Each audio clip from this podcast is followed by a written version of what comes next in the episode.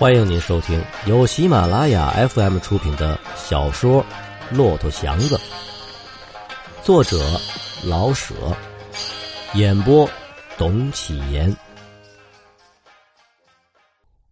祥子站起来，想再出去走走，刚才就不应当回来。看祥子神色不对，虎妞又软和了点好吧，我告诉你，我手里啊。一共有五百来块钱，连轿子、三个月的房租、胡棚做衣裳、买东西带给你，归了包堆，花了小一百，还剩四百来块。我告诉你啊，你不必着急，咱们给他来个得乐且乐。你呢，成年纪拉车出臭汗，也该漂漂亮亮玩几天。我呢，当了这么些年的老姑娘，也该痛快几天。等到快把钱花完了呀。咱们还是去求老头子去。我那天要不是跟他闹翻了，绝走不出来。现在我气儿都消了。爸爸到底是爸爸，他呢只有我这么个女儿。你又是他喜爱的人，咱们服个软儿给他赔个不是，大概也就没有过不去的事儿。这么着多现成，他有钱，咱们正当正派的承受过来，一点没有不合理的地方。强死你去给人家当牲口。过两天啊，你就先去一趟，他也许不见你，一次不见，再去第二次，面子都给他，他也就不能不回心转意了。然后啊，我再去，好歹给他几句好听的，说不定咱们就都能搬回去呢。咱们一搬回去，保管挺起胸脯，谁也不敢斜眼看咱们。哼，咱们要是老在这儿忍着，就老是一对黑人。你说是不是？祥子没有想到过这个。自从虎妞到曹宅找他，他就以为娶过她来，用他的钱买上车，自己去拉。虽然用老婆的钱不大体面，但是他与他的关系既是种有口说不出的关系，也就无可如何了。他没想到虎妞还有这么一招，把长脸往下一拉呢，自然。这也的确是个主意，可是祥子不是那样的人。前前后后一想，他似乎明白了点自己有钱可以叫别人白白抢去，有冤无处去诉；赶到别人给你钱呢，你就非接受不可。接受之后，你就完全不能再拿自己当个人，你空有心胸，空有力量，得去当人家的奴隶，做自己老婆的玩物，做老丈人的奴仆。一个人仿佛根本什么也不是，只是一只鸟，自己去打食便会落到网里，吃人家的粮米便得老老实实的在笼子里给人家提倡，而随时可以被人卖掉。他不肯去找刘四爷，跟虎妞是肉在肉里的关系，跟刘四没有什么关系，已经吃了虎妞的亏，不能再去央告他的爸爸。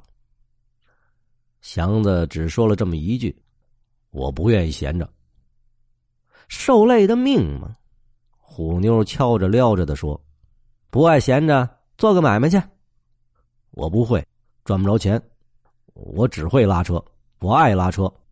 祥子头上的筋都跳了起来。告诉你吧，就是不许你拉车，我就是不许你浑身臭汗、臭烘烘的上我的炕。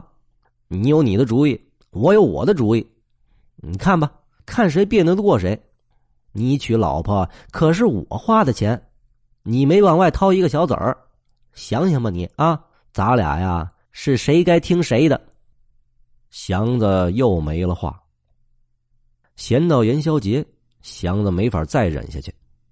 虎妞很高兴，她张罗着煮元宵、包饺子，白天逛庙，是晚上逛灯。他不许祥子有任何主张，可是老不缺着他的嘴，变着法的给他做些、买些新鲜的东西吃。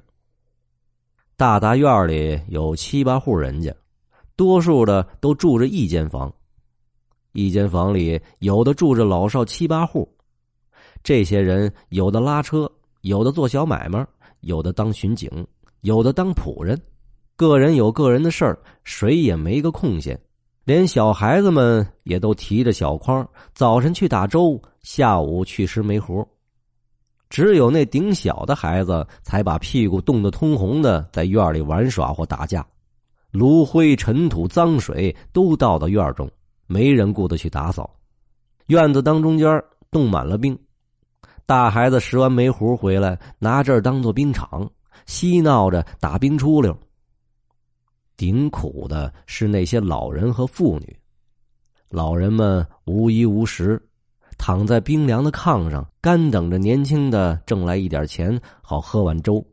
年轻卖力气的，也许挣得来钱，也许空手回来，回来还要发脾气，找着缝吵嘴。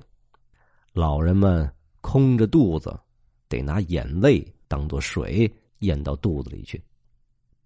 那些妇人们既得照顾老的，又得照顾小的，还得敷衍年轻挣钱的男人。他们怀着孕也得照样操作，只吃着窝窝头与白薯粥，不但要照常工作，还得去打粥，兜揽些活计。幸而老少都吃饱了躺下，他们得抱着个小煤油灯给人家洗做缝缝补补。屋子是那么小，墙是那么冷，冷风从这面的墙缝钻进来，一直的从那面出去。把所有的一点暖气都带了走。他们的身上只挂着些破布，肚子盛着一碗或半碗粥，或者还有个六七月的胎。他们得工作，得先紧着老的少的吃饱。他们浑身都是病，不到三十岁已脱了头发，可是，一时一刻不能闲着，从病中走到死亡，死了。棺材得去向善人们木化。那些姑娘们十六七岁了，没有裤子，只能围着块什么破东西，在屋中帮着母亲做事干活。要到茅房去，他们得看准了院中无人，才敢贼似的往外跑。一冬天，他们就没见过太阳与青天。那长得丑的，将来承袭他们妈妈的一切。那长得有个模样的，连自己也知道，早晚是要被父母卖出享福去。就是在个这样的杂院里，虎妞觉得很得意。她是唯一的有吃有穿、不用着急，而且可以走走逛逛的人。她高扬着脸出来进去，既觉出自己的优越，并且怕别人沾惹她。他不理那群苦人。来到这里做小买卖的，几乎都是卖那顶贱的东西，什么刮骨肉、冻白菜、生豆汁儿、驴马肉，都来这里找照顾着。自从虎妞搬来，什么卖羊头肉的、熏鱼的、硬面饽饽的、卤煮炸豆腐的，也在门前吆喝两声。他端着碗，扬着脸往屋里端这些零食，小孩子们都把铁条似的手指伸在口里看着他。仿佛她是个什么公主似的。他是来享受，他不能、不肯、也不愿看别人的苦处。祥子第一看不上虎妞的举动，他是穷小子出身，知道什么叫困苦，他不愿吃那些零七八碎的东西，可惜了那些钱。第二，更使他难堪的是，他琢磨点意思出来，虎妞不许他去拉车。而每天好菜好饭的养着他，正好像养肥了牛，好往外挤牛奶。他完全变成了他的玩意儿。他看见过街上的一条瘦老的母狗，当跑腿的时候也选个肥壮的公狗。想起这个，他不但是厌恶这种生活，而且为自己担心。他知道一个卖力气的汉子应当怎样保护身体，身体是一切。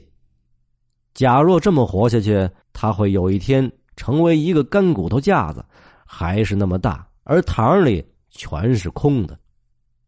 他哆嗦起来，打算要命，他得马上去拉车，出去跑，跑一天，回来倒头就睡，人事不知，不吃他的好东西，也就不伺候着他玩。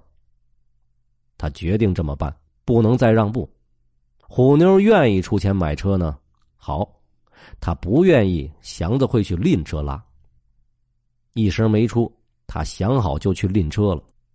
十七那天，他开始去拉车，拎的是整天拉过两个较长的买卖，他觉出点以前未曾有过的毛病：腿肚子发紧，胯骨轴发酸。他知道自己的病源在哪里，可是为了安慰自己，他以为这大概也许因为二十多天没拉车，把腿撂生了，跑过几趟来把腿跑开，或者也就没事了。又拉上个买卖，这回是帮车，四辆一同走，抄起车把来，大家都让一个四十多岁的高个子在前面走。高个子笑了笑，他知道那三辆车都比他棒，他可是卖了力气。虽然明知跑不过后面那三个小伙子，可是不肯倚老卖老。跑出一里多地，后面夸了他句：“嘿，怎么着？要劲儿吗？还真不离啊！”他喘着答了句：“跟你们哥们儿走车，慢了还行。”他的确跑得不慢，连祥子也得掏七八成劲儿才能跟得上他。可他的跑法不好看，高个子塌不下腰去，腰和背似乎是块整个的木板，所以他的全身得整个的往前扑，身子向前，手就显得靠后。不像跑，而像是拉着点什么东西往前钻。腰死板，他的胯骨便非活动不可，脚几乎是拉了在地上，加紧的往前扭，扭的真不慢。可是看着就知道他极费力。到拐弯抹角的时候，他整个身子硬拐，大家都替他攥着把汗。他老是像只管身子往前钻，而不管车过得去过不去。拉到了，他的汗噼里啪啦的从鼻尖上、耳朵垂上一个劲儿的往下滴的。放下车，他赶紧直了直腰，咧了咧嘴，接钱的时候手都哆嗦的要拿不住东西似的。在一块走过一趟，便算是朋友了。他们四个人把车放在了一处，祥子们擦擦汗，就照旧说笑了。那个高个子独自了半天，干咳了一大阵儿。吐出许多白沫子来，才似乎缓过点来，开始跟他们说话。哎，完了，还有那个心，腰腿全部给禁喽。无论怎么提腰，这腿呀就是抬不起来。哎，干着急。刚才那两步就不灵儿，您当是慢呐？一个二十多岁矮身量的小伙子接过来，不屈心，我们三个都够棒的。谁没出汗呀？高个子有点得意，可又惭愧似的叹了口气。另一个小伙子说：“就你这跑法，哎，差不离儿的，还真得叫你给撅了，你信不信？上岁数了，不是说着玩的。”高个子微笑着摇了摇头：“也还不都在岁数，哥们儿们，我告诉你一句真的，干咱们这行的，别成家，真的。”看大家都把耳朵递过来，他放小了点声。一成家呀，黑天白日的全不闲着，玩完，嘿，瞧瞧我这腰整的，没一点活软气，还别跑紧了，一咬牙就咳嗽，心口窝啊辣齁齁的。哎，甭说了，干咱们这行呢就他妈打一辈子光棍连他妈小家巧都一对一对的，不许咱们成家，还有一说，成家以后啊。一年一个孩子，我现在有五个了，全张着嘴等着吃。车份大，粮食贵，买卖苦，有什么法呢？不如打一辈子光棍，犯了劲儿上白房子，长了杨梅大疮认命。一个人呢，死了就死了，这玩意儿一成家，连大带小好几口子，死了也不能闭眼呀，你说是不是？他问祥子，祥子点了点头，没说出话来。这阵儿来了个座儿那个矮子先讲的价钱，可是他让了，叫着高个子：“哎，老大哥，你拉去吧，家里还有五个孩子呢。”高个子笑了：“得，我再奔一趟。按说呢，可没有这么办的。哎，得了，回头好多带回几个饼子去。哎，回头见了，哥们儿们。”看着高个子走远了，矮子自言自语的说。哎呀，混他妈一辈子，连个媳妇都摸不着，人家宅门里一人搂着四五个娘们儿，先甭提人家了。另个小伙子把话接过去：“你瞧，干这个营生呢，还真得留神。”高个子没说错，你就这么说吧。成家为干嘛？能摆着当玩意儿看吗？不能。好，这就是娄子，成天肯窝窝头两气加工，多么棒的小伙子也得趴下。听到这儿，祥子把车拉了起来，搭讪着说了句：“呃，我往南放放，这儿没买卖。”哎，行，回见了您呢。那两个年轻的一齐说，祥子仿佛没有听见，一边走是一边踢腿。胯骨轴的确还有点发酸，本想收车不拉了，可是简直没有回家的勇气。家里的不是个老婆，而是个吸人血的妖精。天已慢慢长起来，他又转了两三趟，才刚到五点来钟。他叫了车，在茶馆里又耗了会儿，喝了两壶茶，觉出饿来，决定在外面吃饱再回家。吃了十二两肉饼，一碗红豆小米粥，一边打着响嗝，一边慢慢往家走。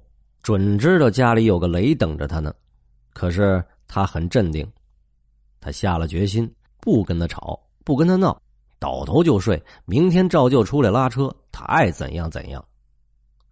一进屋门，虎妞在外间屋里坐着呢，看了他一眼，脸沉的要滴下水来。祥子打算和和稀泥，把长脸一拉，招呼他一声。可是他不习惯做这种事儿，低着头走进里屋去了。虎妞一声没响，小屋里静的像个深山古洞似的。院中街坊的咳嗽、说话、小孩哭，都听得极真，又像是极远，正似在山上听到远处的声音。俩人谁也不肯先说话。闭着嘴，先后躺下了，像一对永不出声的大龟似的。睡醒一觉，虎妞说了话，语音中带出半恼半笑的意思：“你干什么去了？整走了一天。拉车去了。”他似睡似醒的说，嗓子里仿佛堵着点什么。不出臭汗去，心里痒痒是不是？你个贼骨头！我给你炒下的菜。你不回来吃，饶氏家胡塞去舒服呀！你别把我招翻了啊！我爸爸是光棍出身，我什么事都做得出来。明天啊，你敢再出去，我就上吊给你看！我说得出来，做得出来。我不能闲着，你不会找老头子去？不去。呵，真横啊！祥子真挂了火，他不能还不说出心中的话，不能再忍。我要拉车。买上自己的车，谁拦着我，我就走，永不回来了。哼，虎妞鼻子中旋转着这个声很长而曲折，在这个声音里，他表示出自傲与轻视祥子的意思来，可是心中也在那绕了个弯他知道祥子是个硬汉，虽然很老实，硬汉的话向来是不说着玩的，好容易捉到他。不能随便的放手。